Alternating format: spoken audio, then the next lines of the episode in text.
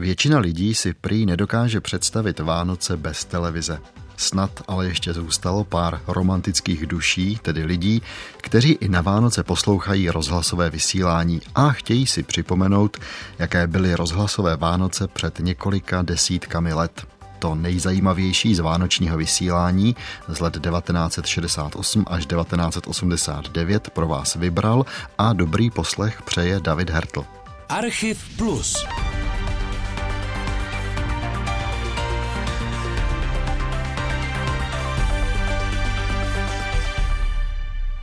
Dobrý sváteční večer, vážení posluchači, a zároveň dobrou chuť těm, kteří právě zasedli k slavnostně prostřenému štědrovečernímu stolu. Dovolte i o kolektivu pracovníků zpravodajství popřát vám ty nejpříjemnější vánoční zážitky a přinést poslední spravodajskou relaci dnešního dne. Takhle nebo podobně začínaly dlouhá léta na štědrý večer rozhlasové noviny Československého rozhlasu.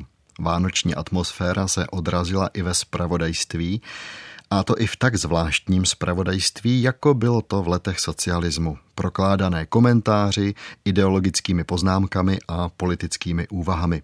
Pokusím se vám nabídnout vše, co běžné rozhlasové noviny obsahovaly, a to i na Vánoce. Hlavní zprávy, informace z domova, ze světa, nějaký ten rozhovor se známou osobností, komentáře a poznámky k aktuálnímu dění, informace ze sportu a nevynecháme ani počasí. A když jsme u těch nejdůležitějších zpráv na začátku, vraťme se do 26. prosince roku 1969. Republiku tehdy opět trápily tuhé mrazy a to pro socialistické hospodářství znamenalo zásadní problém. Vedoucí pracovníci Českého ministerstva průmyslu jednali dnes v Praze o zásobování podniků elektřinou a plynem ve dnech mezi svátky. Z informací, které jsme získali, vyplývá, že k částečnému zlepšování bilance má přispět první etapa výstavby kombinátu Vřesová. Odborníci se snaží, aby v nejbližších dnech začala zásobovat rozvodnou síť plynem. Dodávky plynu do domácností dnes nebyly omezeny a městům přestal hrozit výpadek v odběru plynu. Proto odborníci věnovali pozornost tomu, aby zajistili pro blížící se všední dny potřebný provozní tlak na rozvodném systému paliva. V celé republice bylo o svátcích zajištěno zásobování elektrickou energií. Pro plynárny i elektrárny pracovali dnes na mimořádných směnách horníci v severočeském i sokolovském revíru. V ranních směnách vytěžili dohromady přes 61 tisíc tun uhlí, což představuje dobrý průměr běžného pracovního dne. Zaměstnanci Ostravsko-Karvínského revíru sfárali pouze na jedné šachtě, ale ze skládek naložili do vlaků za dopoledne kolem 11 tisíc tun uhlí. V železniční dopravě, kde se situace značně zlepšila, je největším problémem právě překládka. K dnešnímu dni vězelo v síti dohromady 3000 vozů se zamrzlým uhlím a rudou. Osobní doprava odpovídá celkem grafikonu, spoždění se zmenšilo i u mezinárodních rychlíků. V chladném počasí se snadno nastydne a to pak bylo v roce 1969 o problém víc. Snad ve všech teplických rodinách opatrují o Vánocích alespoň jednoho nemocného chřipkou. Před hlavní lékárnou v Teplicích stojí fronty na léky proti kataru horních cest dýchacích. Vysoký nával pacientů nestačí zvládnout ani pohotovostní služba okresního ústavu národního zdraví, i když byla posílena – Lékař se může dostavit do bytu nemocného nejdříve za 20 hodin po zavolání. Podobně je tomu i v hlavním městě. Fronty na léky stojí také v mnohých pražských obvodech. Ve velkých mrazech také často praská vodovodní potrubí. Na štědrý den roku 1970 postihlo právě tohle Ostravu. Napilno měli o vánočních svátcích také údržbáři ostravských vodáren – na hlavním přivaděči vody z Kružberské přehrady došlo k poruše, takže některé části Ostravy byly zcela bez vody. Díky usilovné práci udržbářů má být porucha ještě dnes odstraněna. Na první místa vánočního spravodajství se tradičně dostávaly informace nejen o tom, které podniky nezastavily výrobu ani o svátcích, ale také které závody splnily své roční plány. Rozhlasové noviny 23. prosince 1971. S celoročním plénem se dnes vyrovnaly mnohé další podniky a závody. Mezi nimi jsou chemické závody v záluží u mostu, které do konce roku vyrobí ještě za 95 milionů korun výrobků navíc. Národní podnik Průmstav v Pardubice, který rovněž splnil plán, provede do konce roku navíc za 6 milionů korun stavebních prací. Také železničáři jeho západní dráhy dnes splnili plán nakládky a to ve výši 26,5 milionů tun. K tomuto výkonu jim nejvíce pomohly sovětské motorové lokomotivy známé pod názvem Sergej. Ze Sovětského svazu je dodali o čtvrt roku dříve a přispěli tak k tomu, že se podíl parní trakce snížil z plánovaných 630 na 620 Zatímco socialistické Vánoce byly krásné a radostné a ti, kteří zrovna nerozbalovali dárky, tak nadšeně pracovali, tak Vánoce v kapitalismu byly přesně opačné, nebo se je tak alespoň pokoušel socialistický rozhlas vykreslit. 23. prosince 1975 se na čelné místo zpráv dostala následující informace. Po jejím vyslechnutí musel asi průměrný posluchač nabít dojmu, že svět na jich od Budějovic a na západ od Chebu se řítí do záhuby. Podle údajů, které dnes uveřejnila britská vláda, vzrostl počet nezaměstnaných ve Velké Británii během jediného měsíce o 2,40,5 tisíce osob. V současné době je v zemi 1 milion 211 tisíc lidí bez práce. U našich sousedů v Rakousku se průmyslová výroba za poslední rok snížila o 7,3% a v italském strojírenství, hudním a textilním průmyslu klesla produkce o 11 až 13 Množství zboží, které letos prošlo přístavem v západoněmeckém Hamburku, se ve srovnání s minulým rokem snížilo o 8,5% V Belgii dnes zastavili na hodinu práci 3 miliony belgických dělníků a zaměstnanců na protest proti vládnímu takzvanému plánu úspor, který zahrnuje značné snížení výdajů na sociální a zdravotnickou péči v příštím roce. Stávky se rovněž zúčastnili zaměstnanci belgických vládních úřadů, velkých obchodních domů a bank. O co krásnější byly v tom samém roce, tedy 1975, Vánoce v Sovětském svazu. Pravidelný železniční provoz dnes začal v západní části Bajkalsko-Amurské magistrály na úseku mezi stanicemi Lena Zvězdnej, který měří 64 kilometrů. První vlak projel po trati o rok dříve, než předpokládal plán. Dokončený úsek Bajkalsko-Amurské magistrály vede hlubokou tajgou, ve které také vyrostlo městečko Zvězdný se čtyřmi tisíci obyvateli.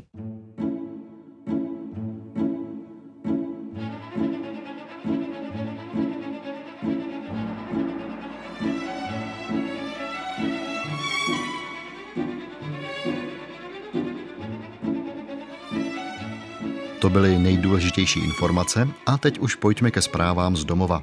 Rozhlasoví redaktoři opět nejčastěji probírali pracovníky na vánočních směnách v nepřetržitých provozech a splněné celoroční plány.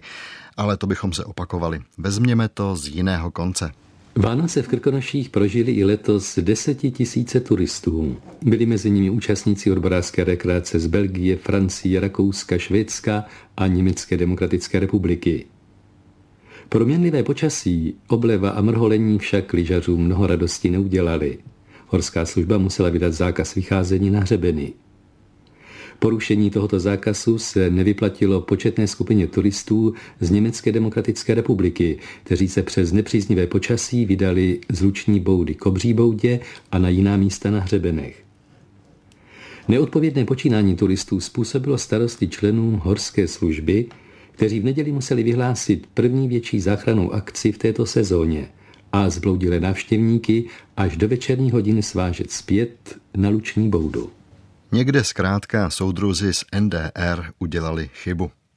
Zasněžené České hory vůbec nabízely zpravodajům dostatek inspirace. Rozhlasové noviny 24. prosince 1980. Příchod štědrého dne přivítali dnes Krkonoše silným deštěm, který pochopitelně zarmoutil milovníky sjezdového lyžování.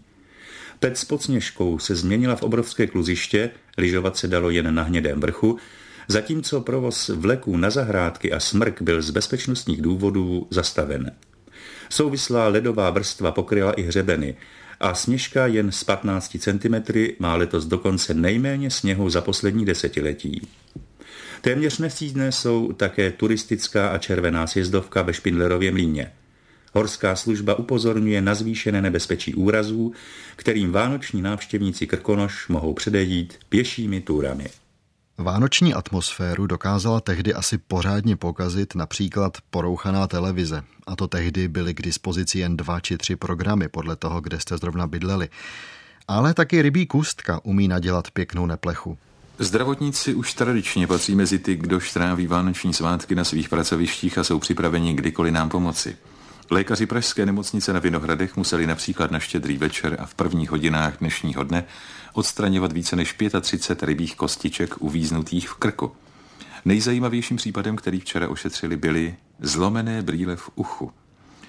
Včera byl také velký nápor pacientů v ordinaci zubní pohotovosti ve Vladislavově ulici v Praze, kde vyhledalo pomoc téměř 300 Pražanů. Hodně smutnou atmosféru měly Vánoce roku 1968 ve Starých Hamrech. Část obyvatel obce Staré Hamry v Beskydech prožívá letos ve svých domcích poslední Vánoce. V příštím roce budou totiž jejich domky pod vodou nové přehrady, která se buduje na řece Ostravici.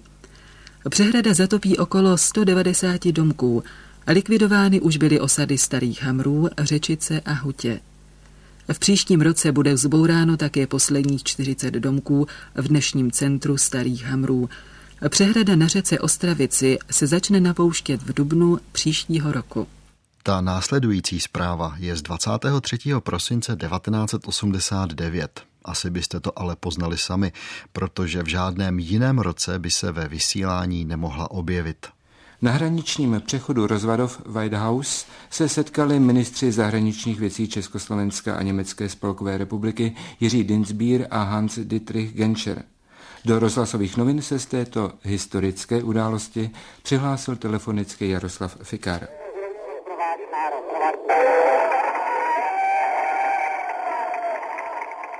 Tohle byl okamžik, kdy se dnes 6 minut po půl druhé měnili doslova dějiny. Místem byla zaniklá osada Hraničky, asi dva kilometry od hraničního přechodu Rozvadov. Tady na vysoké drátěné bráně poprvé přestřihli rukou společnou ministři Dinsbír a Genscher první pole ostnatého drátu. Telefonuji vám z bavorského městečka Whitehouse, kde jednání obou ministrů probíhalo a dodám perličku, že nejen pro nás novináře, ale také pro obyvatele příhraničních obcí vyhlásil zdejší starosta dnešek dnem otevřených dveří, tedy bez víza. Atmosféru setkání dotvářela dechovka, transparenty, vlajky a záplava obyvatel z obou stran hranice, která nedovolila projet ani koloně vládních vozů. A tak oba ministři přišli na hranici s půlhodinovým spožděním pěšky. Vánoční spravodajství z roku 1989 by si možná vůbec zasloužilo samostatný vzpomínkový pořad, protože informace, které se tehdy objevily, dost často naprosto vybočovaly z toho, na co byli posluchači rozhlasu do té doby o Vánocích asi zvyklí. Jak dnes informovali zpravodaji Československé tiskové kanceláře zástupci občanského fóra Mosteckého divadla pracujících, nalezli příslušníci okresní zprávy SMB v Mostě rozřezanou bronzovou sochu Tomáše Garika Masaryka uloženou v osmi bednách. Po osudech tohoto díla sochaře Josefa Fojtíka pátralo občanské fórum divadla pracujících od minulého týdne. Podařilo se zjistit, že socha byla uložena v uzavřené schránce v okresním muzeu v Mostě a v roce 1978 pravděpodobně zničena. Podle vyšetřování byla v tom roce na základě povolení odboru kultury okresního národního výboru bezplatně převedena do majetku Městského národního výboru Meziboří. Zároveň bylo vydáno povolení k jejímu rozřezání s tím, že materiál bude použit na trojsoší přátelství. Před dvěma dny byla socha nalezena, zničená a zazděná ve sklepě domu, který patří nápravně výchovnému útvaru Běrušice na Mostecku – ve vyšetřování se pokračuje. A na závěr zpráv z domova ještě jedna, která nemohla chybět snad žádný rok. Není úplně vánoční, spíš lehce předvánoční a v tomto případě pochází z roku 1973.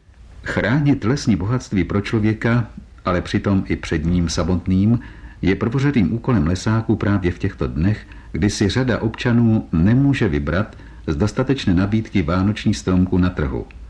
Ročně padne této škodné za oběť více než 300 tisíc vánočních stromků v hodnotě přes půl druhého milionu korun.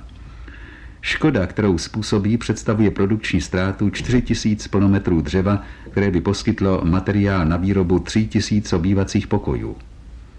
Do okamžiku, kdy se rozsvítí svíčky na vyzdobený stromcích, zbývá sice jen týden, ale v něm by si ti, kteří se do lesa pro stromek chystají, měli uvědomit, že méně kvalitní stromek prodávaný na trhu udělá dětem i dospělým větší radost, než vědomí, že svým chováním ublížili našim lesům a vlastně i sobě.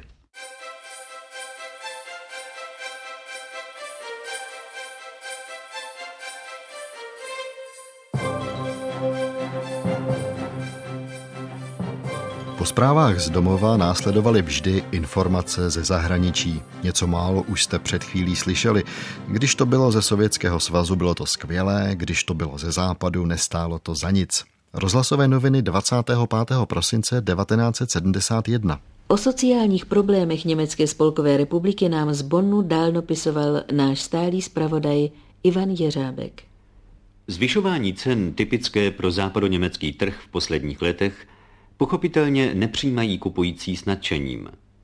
V denících i hospodářských týdenících v Německé spolkové republice se neustále zdůrazňuje, že západoněmecká marka je nejstabilnější měna v kapitalistickém světě.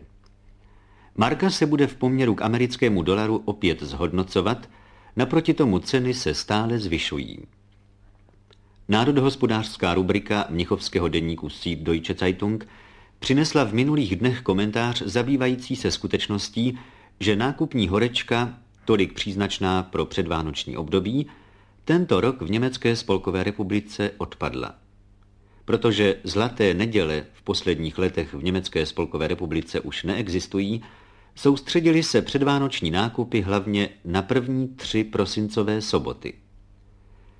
Hodnocení předvánočních sobot v západoněmeckých obchodech uvádí, že první vyzněla velmi rozdílně, myšleno podle jednotlivých oblastí trhu, druhá byla průměrná, zatímco poslední předvánoční sobota v podstatě zklamala.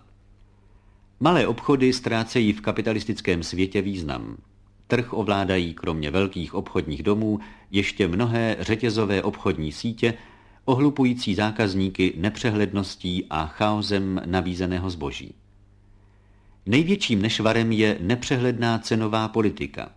U výrobků, jako jsou ledničky nebo televizory, jsou až 100 markové cenové rozdíly. Člověk, který nemá čas porovnat si ceny výrobků ve více obchodech, musí při nákupu doplatit. Prostě zlatý československý socialismus, kde jste televizi nebo ledničku koupili v Košicích i Plzni za stejnou cenu, nařízenou komunistickou stranou. Tedy pokud jste měli štěstí nebo známého prodavače a ledničku nebo televizi sehnali. Abych nabídl radostný pohled z druhé strany, zde jsou rozhlasové noviny z 26. prosince 1972.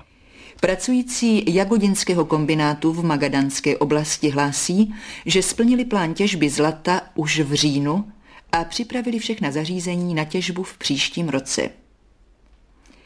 Lnářský kombinát v Litevské socialistické republice vyrobil v nadplánu zboží, jehož celková hodnota činí 400 tisíc rublů. Rovněž moskevský závod Kompresor zvýšil za první dva roky pětiletky výrobu téměř o 20% Ze všech končin Sovětského svazu docházejí do Kremlu další hlášení o pracovních úspěších, dosažených na počest 50. výročí vzniku Sovětského svazu. Před tou následující zprávou ze světa jen dodám, že komunistická strana Kanady, o které bude řeč, se v roce 1974, ze kterého ukázka pochází, účastnila kanadských voleb a dostala 0,13% hlasů kanadských voličů. Pro československý rozhlas to ale byl relevantní zdroj informací o Kanadě. Důsledky hospodářských potíží v kapitalistickém světě se při bilancování výsledků letošní průmyslové výroby projevují ve všech odvětvích. Jak zdůraznil generální tajemník komunistické strany Kanady William Cashton, mnohé průmyslové podniky v Kanadě byly zasaženy hospodářskými potížemi amerických firm, s kterými obchodují. Také pro nadcházející rok nejsou vyhlídky v Kanadě nijak příznivé, řekl. Vše nasvědčuje tomu, že tempo inflace a zvyšování cen základních životních potřeb, které stouply o 12% bude pokračovat. Britský tisk při hodnocení současné hospodářské situace a jejich vyhlídek v příštím roce velmi často užívá slov hospodářský pokles, krize nebo dokonce katastrofa. Listy píší, že v letošním roce bylo dosaženo Británii několik nežádoucích rekordů. Kurs Libry klesl tak jako nikdy a naproti tomu ceny spotřebního zboží nerostly nikdy rychleji než letos. Zvýšily se o 18% že ale ani v socialistických zemích to nemusí být jen učiněný ráj, o tom svědčila vánoční zpráva z 23. prosince 1980. Atmosféru těchto dnů v Polské lidové republice vám přiblíží telefonát našeho varšavského zpravodaje Františka Sojky. Nadcházející sváteční dny způsobily, že varšavské obchody jsou plné lidí, přestože nabídka je proti minulým letům mnohem skromnější. Díky přechodnému zavedení lístků na máslo a některé druhy uzenin a masa v některých vojevodstvích ve vyznačených obchodech se uklidnila situace na trhu. I když toto opatření samozřejmě nedostatek těchto potravin nijak neodstranilo. Jeho cílem je však spíše to, aby se, i když málo, ale dostalo na každého. Problémy se zásobováním a především potravinami řeší polská vláda zvýšeným dovozem ze zahraničí, hlavně ze Sovětského svazu a dalších socialistických států a zemí Evropského hospodářského společenství. Dnešní tribunál Ludu uveřejňuje rozhovor s náměstkem ministra zahraničního obchodu a morského hospodářství Antoním Karasem, který uvedl, že Polsko dovezlo ze socialistických zemí mimo obilí ze Sovětského svazu a Německé demokratické republiky mimo jiné rýži, slunečnicový olej, cibuli, máslo a rybí konzervy. Pokud jde o vnitropolitickou situaci v Polsku, je vidět její uklidnění, což s uspokojením přijímá zdrcující většina polských pracujících.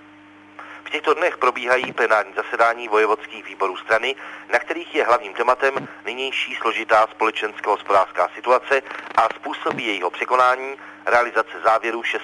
a 7. plenárního zasedání ústředního výboru strany a přípravy na nadcházející devátý mimořádný sjezd Polské sjednocené dělnické strany. Poláci zkrátka v zemi, která je dnes schopná nasytit svojí produkcí téměř polovinu Evropy, nedokázali pod vedením komunistické strany vyrobit ani dostatek másla sami pro sebe.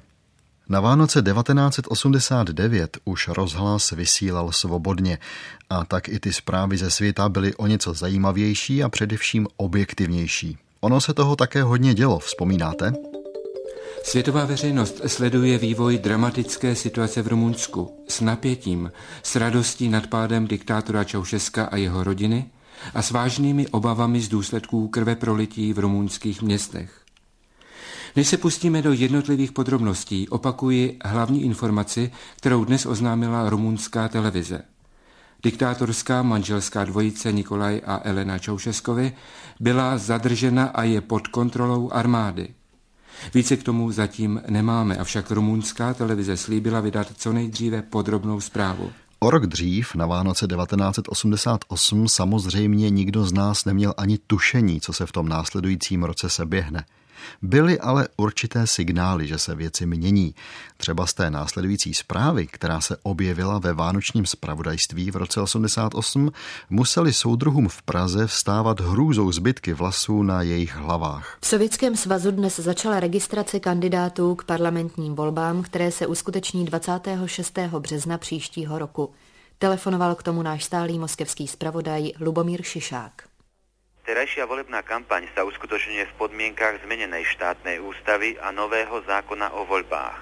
Ľubovoľný kolektív môže teraz či už podľa miesta práce alebo trvalého bydliska, navrhnúť neohraničený počet kandidátov.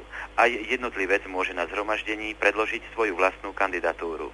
Kandidát sa považuje za navrhnutého, ak za neho hlasovala viac ako polovica účastníkov zhromaždenia. Navrhovanie môže byť alebo verejné, alebo tajné, ako sa dohodne zhromaždenie. Nové zákonodárstvo o voľbách prinieslo ešte jednu principiálnu zmenu. Jednu tretinu ľudových poslancov, ktorí predstavujú základné spoločenské spoločenské organizácie krajiny, budú voliť priamo tieto organizácie. Zostávajúce dve tretiny sa budú voliť obvyklým spôsobom v geografických a národnostne geografických volebných obvodoch. Preto spolu s navrhovaním kandidátov tam, kde pracujú a kde trvale žijú, sa začalo navrhovanie kandidátov za komunistickú stranu, odbory, ženské, mládežnícke organizácie, zväzy tvorivých pracovníkov, za organizácie veteránov a ďalšie všezezové združenia. Nesnad, že by komunistická strana Sovětského svazu připustila nějaké skutečně svobodné volby, ale už jen to, že kandidovat mohl ten, kdo chtěl, byla malá revoluce. Vždyť právě i za tohle byl v Československu uvězněn a ve vězení k smrti utýrán Pavel Vonka, muž, který se v roce 1986 pokusil kandidovat ve volbách, což tehdejší ústava umožňovala, ale soudruzi nikdy nikomu nedovolili. No a teď si na závěr zpráv ze světa pojďme přiťuknout třeba pravým kubánským rumem. V roce 1968 to zrovna šlo, ale jen na pár dní.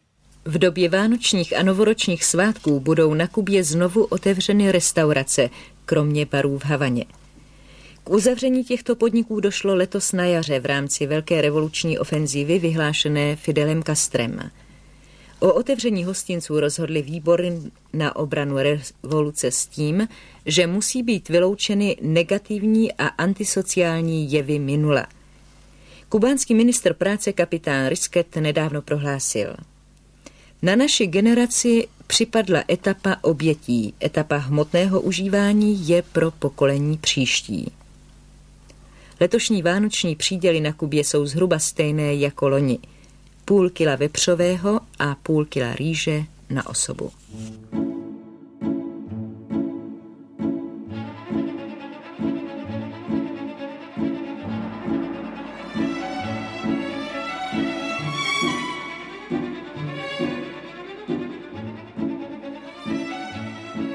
Vánoční atmosféra přímo vybízela k různým úvahám, zamyšlením a rozhovorům. Za ta léta jich bylo hodně a je opravdu z čeho vybírat. Tak třeba 25. prosince 1971 musel posluchače určitě dojmout následující příspěvek rozhlasových novin. Paní Květuše Větrovská prožila tři roky v cizině, tři léta emigrantského bloudění po světě od Vídně po Austrálii a po nich návrat domů, o kterém nám vyprávěla. Byl to takový zvláštní pocit. Prvně po dlouhé době jsem slyšela mluvit česky. A byl to pocit lehkosti, štěstí, radosti, protože naše letušky byly velmi pozorné, nenucené. A byl to projev prostě i přátelský, protože tady člověk cítil, že to není za peníze a že je tady určitý už kontakt s domovem. První okamžik byl velký otazník, jak to se mnou dopadne. Snad i trošičku pocit strachu.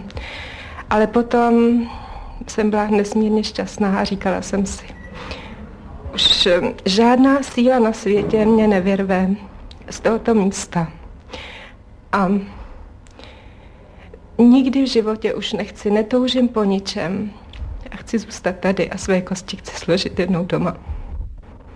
Žít v cizí zemi je velmi obtížné. Anglicky jsme se s chlapcem naučili, ale ta cizota prostředí na člověka působí dál. Domov se nedá zaplatit ničím na světě. A poznala jsem také sama, byla jsem vážně nemocná a poznala jsem, co znamená lékařská péče u nás, která je zdarma. Protože tam se musela za každou prohlídku, za každý lék, za každé ošetření, za rengen, za všechno se musela platit. Na štědrý den roku 1973 promlouval k posluchačům herec Vladimír Šmeral. Mimo jiné řekl. Vánoce jsou pro mě především oslavou života, svátkem míru. Ale ten nespadne lidem jenom tak do klína. My všichni dnes můžeme mít opravdu radostné, veselé a šťastné Vánoce ale nezapomeňme, že jsme nedílnou součástí tohoto nebezpečně složitého světa. Byli bychom proti svému vlastnímu štěstí, kdybychom zůstali lhostejní k tomu, že v Chile, Vietnamu nebo kdekoliv na světě, kde se střílí, jsou lidé, kteří mají Vánoce za zatemněnými okny a ostnatými dráty. O dva roky později, v roce 1975, hovořila v rozhlasových novinách lidová básnířka Marie Kratochvílová. Mám různé básně, poněvadž vždycky v tuhle tu dobu to nějak člověka popadne za srdce a ty vzpomínky z mládí a potom, když vidí všecko dnes kolem sebe, tak z toho mám takovou radost, že to ani jináč nejde, že se z toho musí člověk vypovídat.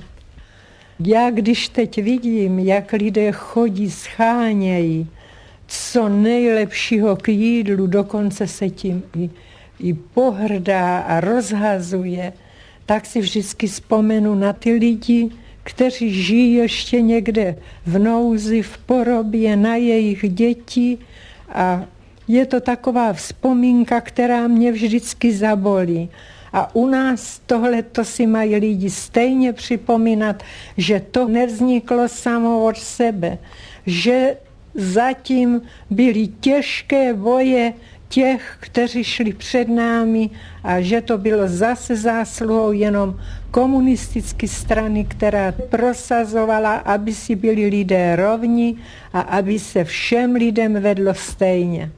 Ale nebyly to jen dobové celebrity, tedy herci, spisovatelé nebo malíři, které rozhlas zval na Vánoce k mikrofonu.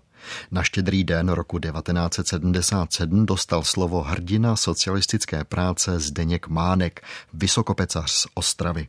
Nejsme jenom my, kteří pracují ve svátky, protože vlaky musí jezdit, elektřina se musí vyrábět, čili musí pracovat dost lidí, tak eh, nemůžu říct, že jsem nespokojený, když na tu směnu jdu, protože Vím, že je ta práce nutná, ale zase nikdo nemůže mít takový vánoční stromeček, jako si ho můžeme udělat my.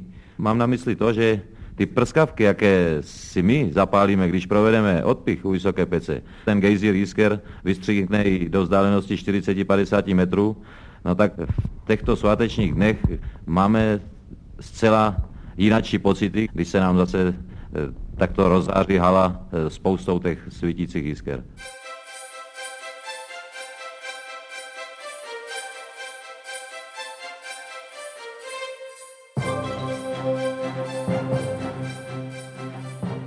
I ve vánočním rozhlasovém zpravodajství bylo trochu místa pro reportáž. Nabídnu vám ukázky ze dvou, obě jsou docela povedené.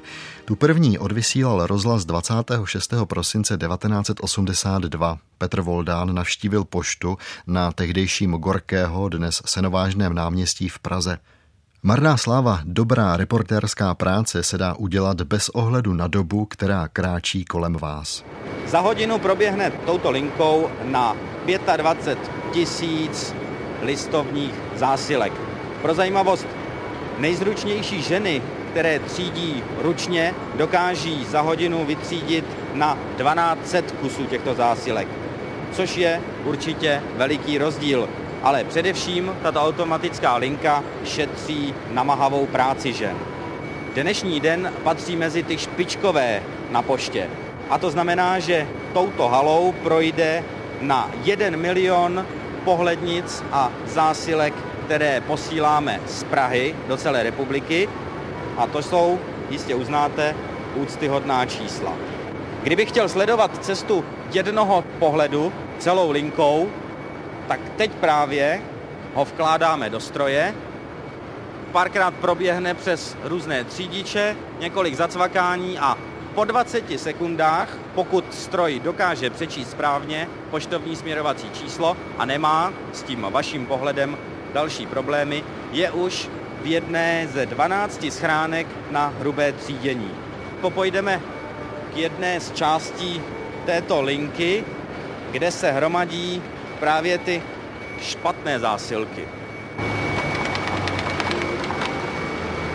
Tak, tak rychle, jak jste slyšeli, cvakat pohlednice, přesně tak rychle v jedné z přihrádek přibývají ty zásilky, které stroj ani při své velké pečlivosti nedokázal přečíst. Jsou to buď špatně nebo nečitelně napsaná směrovací čísla.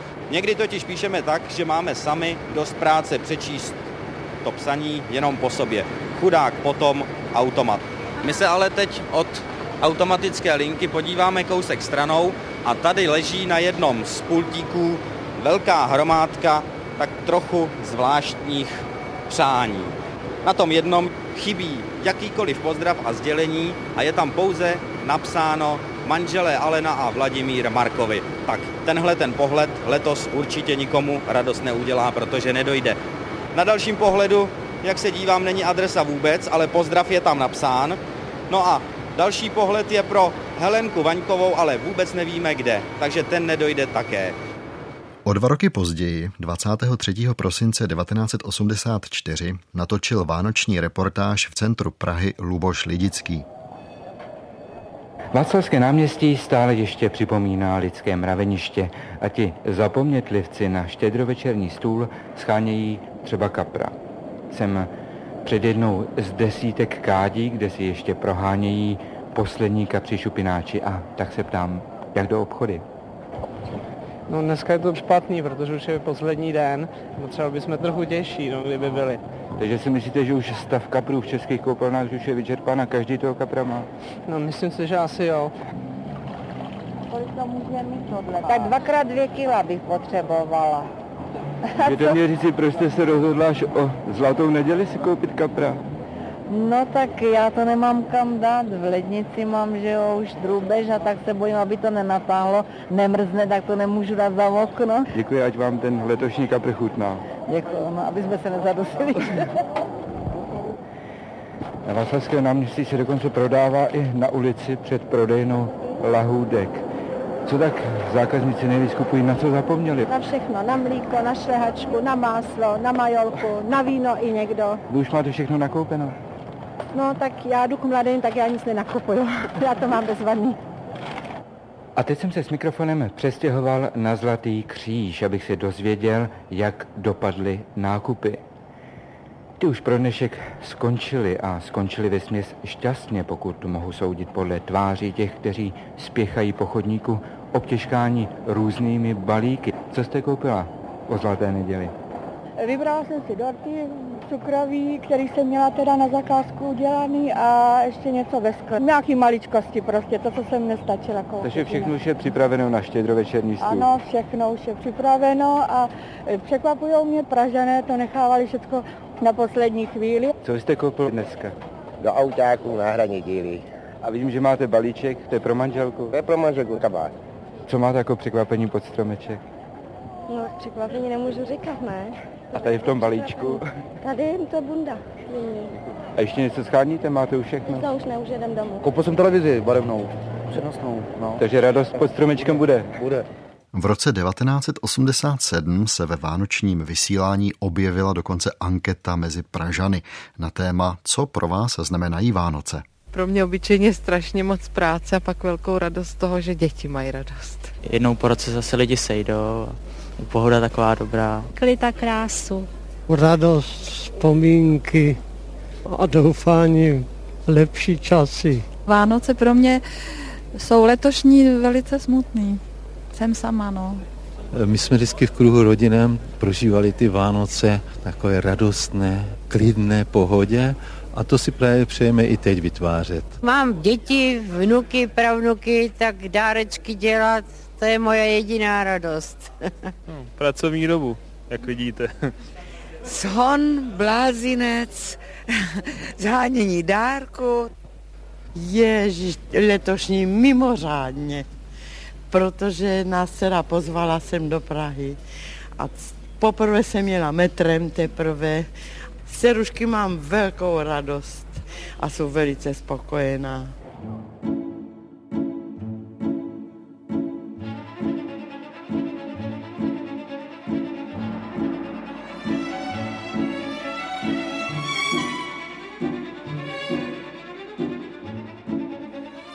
Ani o Vánocích si nedali pokoj rozhlasoví ideologové. Něco málo už jste slyšeli, když jsme si pouštěli vánoční zpravodajství ze zahraničí. V komentářích se pak detailně rozebíralo, jak krásné jsou ty naše socialistické Vánoce a jak nešťastné a chudé jsou ty kapitalistické. Tak třeba v roce 1971 se to posluchačům podávalo takhle. Západní antikomunistická propaganda o Československu už po několik týdnů používá mnohem širšího rejstříku než ještě nedávno. Začalo to právě před měsícem, bezprostředně po našich volbách, a to z velmi průhledných důvodů. Nesporný úspěch voleb totiž přesvědčivě vyvrátil všemožné negativní předpovědi proti československé propagandy. Ta pak ve snaze nějak vyváznout z blamáže před západní veřejností obratem začala vysvětlovat úspěch našich voleb především tím, že prý si komunisté koupili podporu československého lidu hospodářskými výhodami.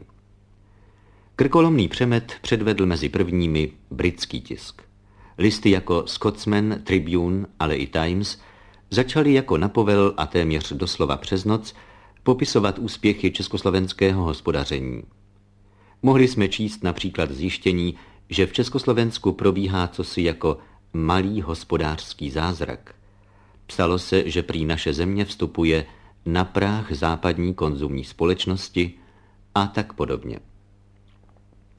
Že jde o licoměrnost západní propagandy, která tím nikterak nestratila svůj antikomunistický ráz, to bylo na výledni. Avšak pozoruhodné je, že v západní propagandě o Československu se začíná uplatňovat v skutku nový tón. Nesnad, že by nás přestali pomlouvat, ale skutečnosti československého dneška zřejmě přiměli i buržázní propagandu, aby je brala na vědomí více, než pro ní bylo donedávna obvyklé. V předvečer štědrého dne vysílal například západoněmecký Deutschlandfunk analytický komentář z pera Hanse Petera Riese. Z relace je sice dostatečně zřejmé, že autor není dnešnímu československému politickému vedení nijak nakloněn. Nicméně některé jevy, jimž u nás věnoval pozornost, nazývá pravými jmény, i když o nich nehovoří nadšeně.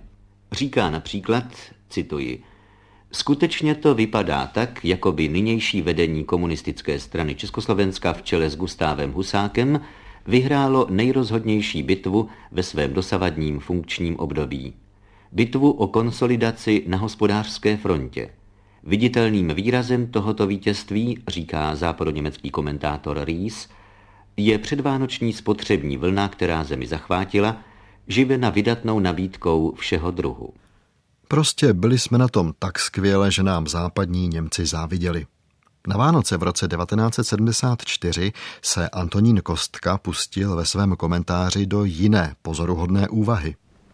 Zní to jako paradox, ale není to než pouhé konstatování, když řekneme, že teprve realizace myšlenek marxismu-leninismu vtiskuje vánočním svátkům jejich skutečnou náplň jako symbolu míru, pokoje, dobré vůle a pohody.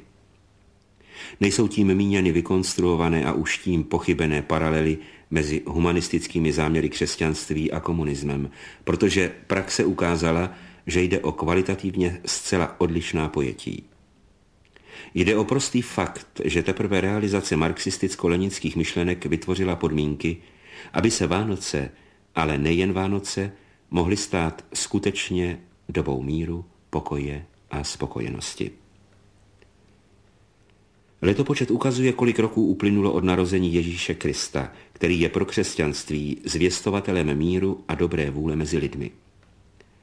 V průběhu těch bezmála dvou tisíciletí došlo však k téměř tři a půl tisícům válek a válečných konfliktů, byly vyvražděny sta miliony lidí, byly zničeny nepředstavitelné hodnoty, promarněna nesmírná lidská práce – Místo pokoje, dobré vůle a spokojenosti se šířila světem smrt, nenávist, utrpení a zmar. Teprve poslední desetiletí dalo lidstvu nejen naději, ale i reálnou jistotu, že jeho odvěké sny o trvalém míru a spokojenosti, které se odrazily v křesťanském, ale i všech ostatních náboženských nebo filozofických systémech, jsou uskutečnitelné, dosažitelné. To protože byla vytvořena konkrétní síla, která tento mír a spokojenost zaručuje a prosazuje. A nebude nadsázkou ani tvrzení, že za pouhá léta nynějšího desetiletí bylo pro věc míru učiněno víc, než kdykoliv se podařilo za celá staletí, kdy Vánoce byly pouze zbožným symbolem míru. Podobné komentáře bylo možné slyšet o Vánocích každý rok. Bylo to tak trochu nekonečné téma. Stejný Antonín Kostka, kterého jste slyšeli před chvílí, tentokrát o Vánocích roku 1986, tedy o 12 let později. 20 tisíc bankrotů v Německé spolkové republice, o 12 víc než v předchozím roce. A jen v předvánočním týdnu tamtež 680 tisíc rozeslaných oznámení o ukončení pracovního kontraktu, čili o převedení do milionové armády nezaměstnaných. Řada půmových útoků a přestřelek v Jirsku, další francouzské intervence v Čadu, bourání starých budov u hamburského přístavu obsazených lidmi bez přístřeší, zrušení dosavadního omezovacího limitu pro vojenské výdaje v Japonsku, nová vlna terorizování arabského obyvatelstva izraelskými okupanty pod nově vynalezenou hlavičkou preventivních razí, soudní zásahy proti odpůrcům zbrojení ve Spojených státech, v Anglii, v Německé spolkové republice. Sortiment, jak je vidět, značně rozmanitý a různorodý. Ale všechno dohromady shrnuto znamená ve všech případech v podstatě totéž, že na západě, Washingtonem počínaje, je sice všeho hodně, ale chybí, politicky vzato, to, co Vánoce Vánocemi dělá. Spravedlnost i láska, porozumění i dobrá vůle, víra v dobro, pokoj a mír.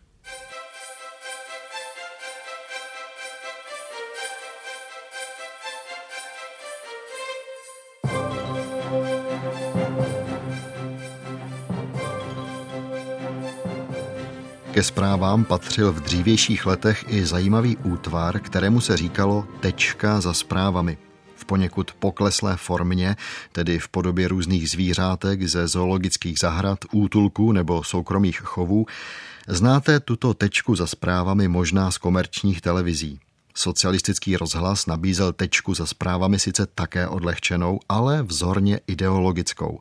Psal se rok 1973. Tečka za zprávami.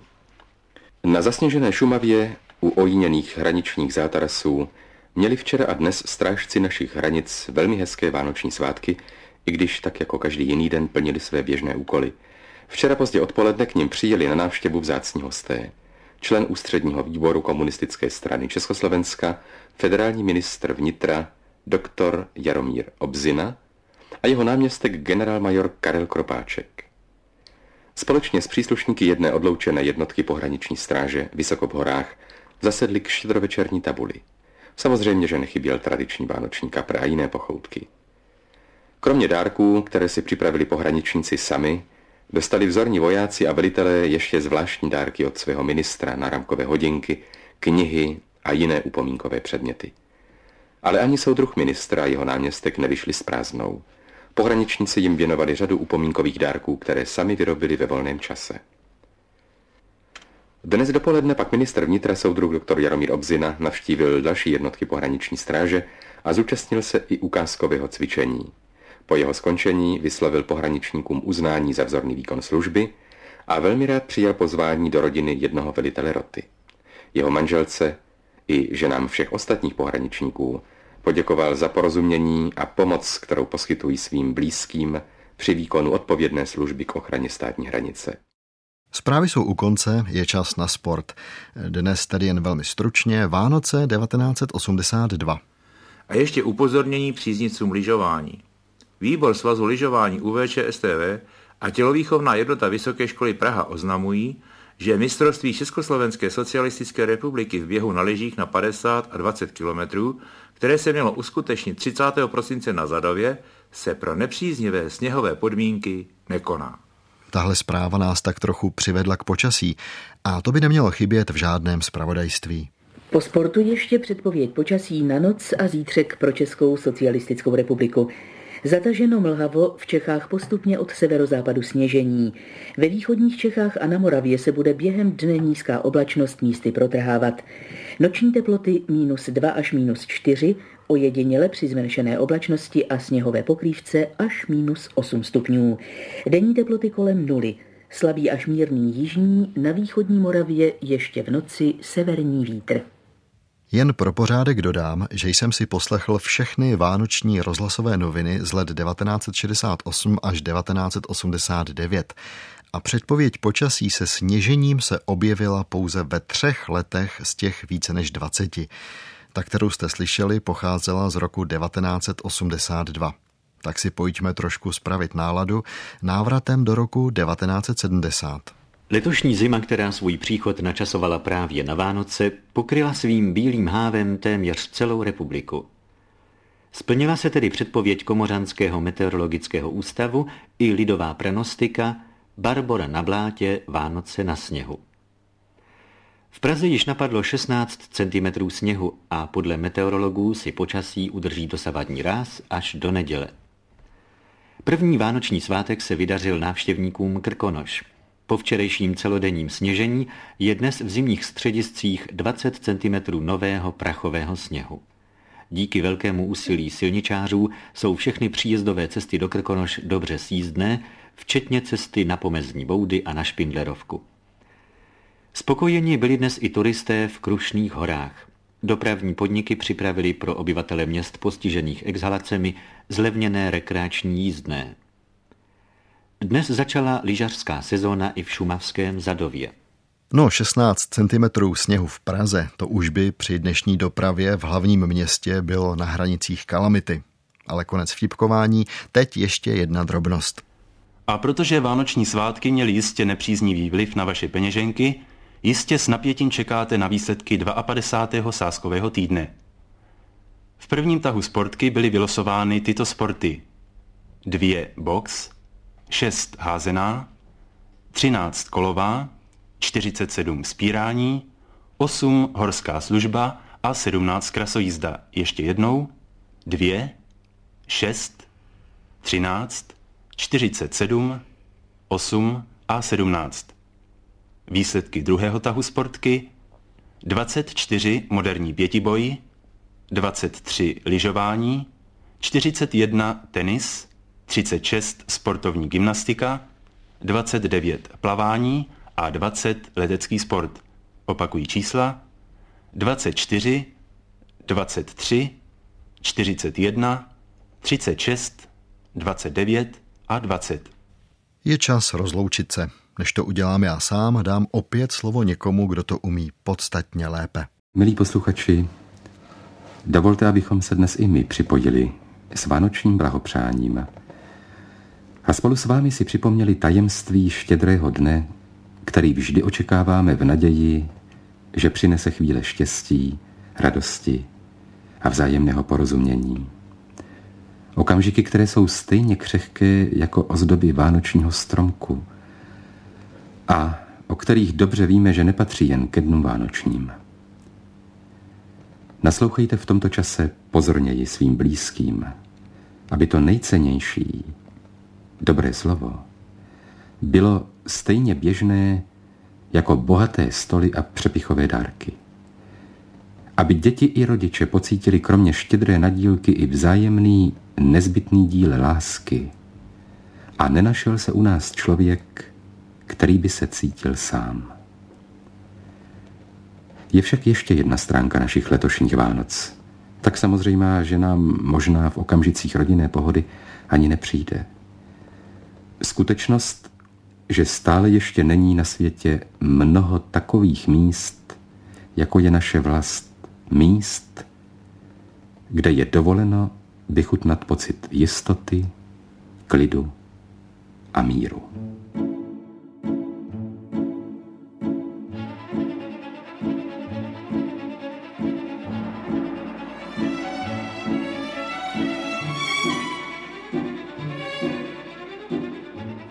Takhle končily rozhlasové noviny na štědrý den roku 1977 a končí i vzpomínky na vánoční rozhlasové zpravodajství z let socialismu.